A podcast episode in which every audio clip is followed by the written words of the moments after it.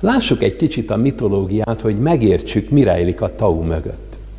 Genghis Khan megvallja magáról, hogy ő a szürke farkas klánjához tartozik.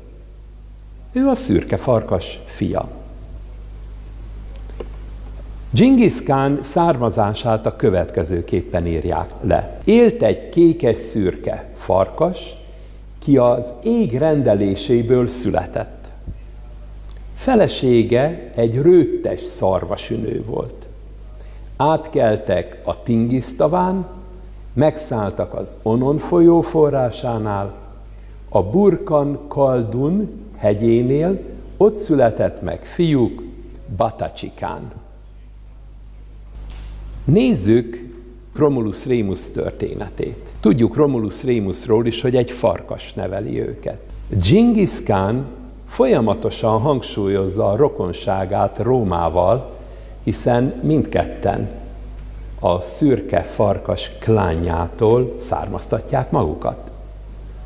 Így Batukán is, és a Vatikán is. Engedjétek meg, hogy egy általam igen nagyra becsült magyar írótól, Makkai Sándortól egy könyvrészletet idézzek a Sárga Vihar című könyvéből. Makai a következőt írja. A tatárjárás előtt 20 évvel járták a tatár és kínai kémek az országot, mellettük a görög és római papok voltak a hírszerzők. Amikor egy politika vagy vallási filozófiai monopóliumot megkérdőjeleznek, ideológiai felforgatásnak nevezik. Róma szemében felfoghatók voltak mindezek a dolgok, és elfogadhatatlannak tartották a kagyarok, a magyarok, a lengyelek és a bolgárok viselkedését, mert ők nem római ideológia szerint éltek és gondolkodtak. Más vallásról más nézeteket vallottak. A pápa hívta be Kelet-Európába a domonkos rendi barát követe által a tatárokat.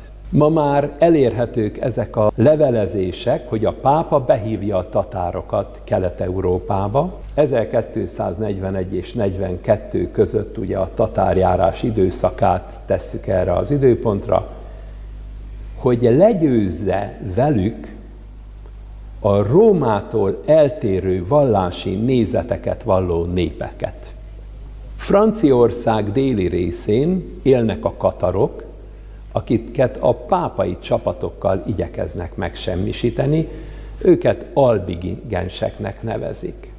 Tehát a pápai csapatok Franciaország területén élő Jézus hitű, de nem római katolikus népet próbálja megsemmisíteni, több millió embert küldenek mágiára, keleten a bolgárokat, lengyeleket, magyarokat pedig a pápa által behívott, mondhatjuk, tatár, de tudnotok kell, hogy ekkora tatárok néhány tízezren vannak, a sereg nagy része kínai volt.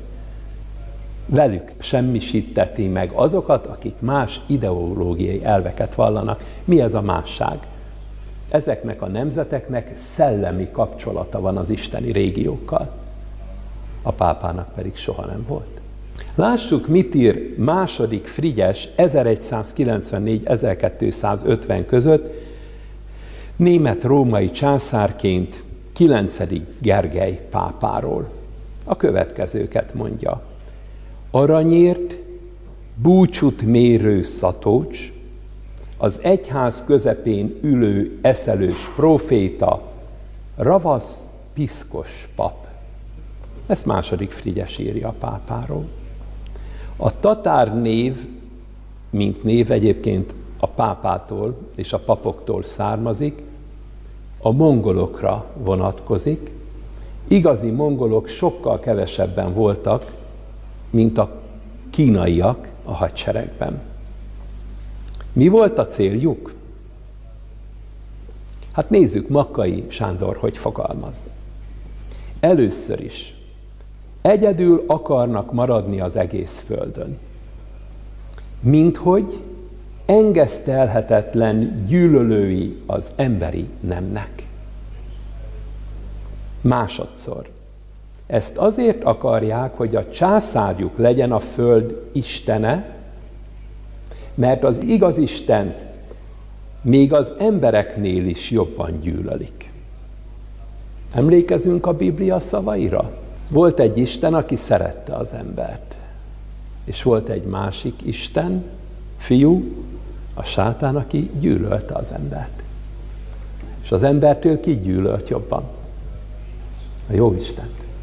A kínaiak a kigyót tekintették a totemősüknek.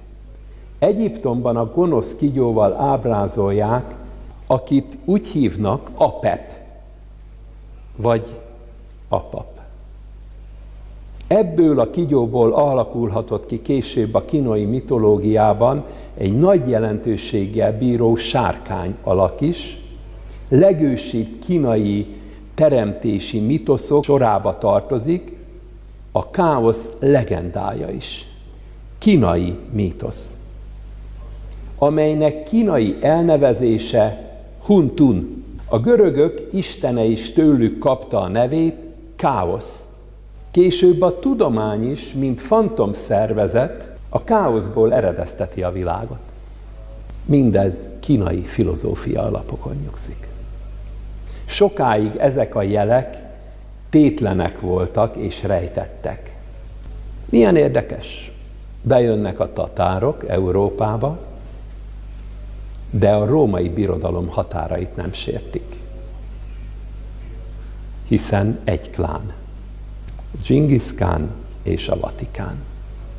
A tatárok feltűnő 1241-től csak a hátországot uralták, Bizáncot nem bántják, hiszen egy klán. Az ijegység és a félelemkeltés a gonosz igazi eleme. Főleg akkor tud ránk hatni, ha nem ismerjük őt. Amikor nem vagyunk tudatában a létezésének, könnyen tudja manipulálni az érzelmeinket, a gondolatainkat. A manipuláció nyomán azt láthatjuk, hogy az emberek nagy része hálás a politikának, hogy megvédi őt a politikai által tudatosan létrehozott veszélyektől. Mint ahogyan az egyház által kitalált bűnök alól az egyház oldozza fel a híveket. Minnyájunknak szüksége lenne arra, hogy önmagunk felé épített barikádokat lebontsuk, és hagyjunk utat a szellemi megismerésnek. Mert az elménk által végtelen megtévesztett lényekké váltunk. Föl kellene ébredni ebből a démoni államból, amelyben még alszanak az emberek. Jézus meggyilkolását követően a hívők a mai napig mint egy álomvilágban élnek.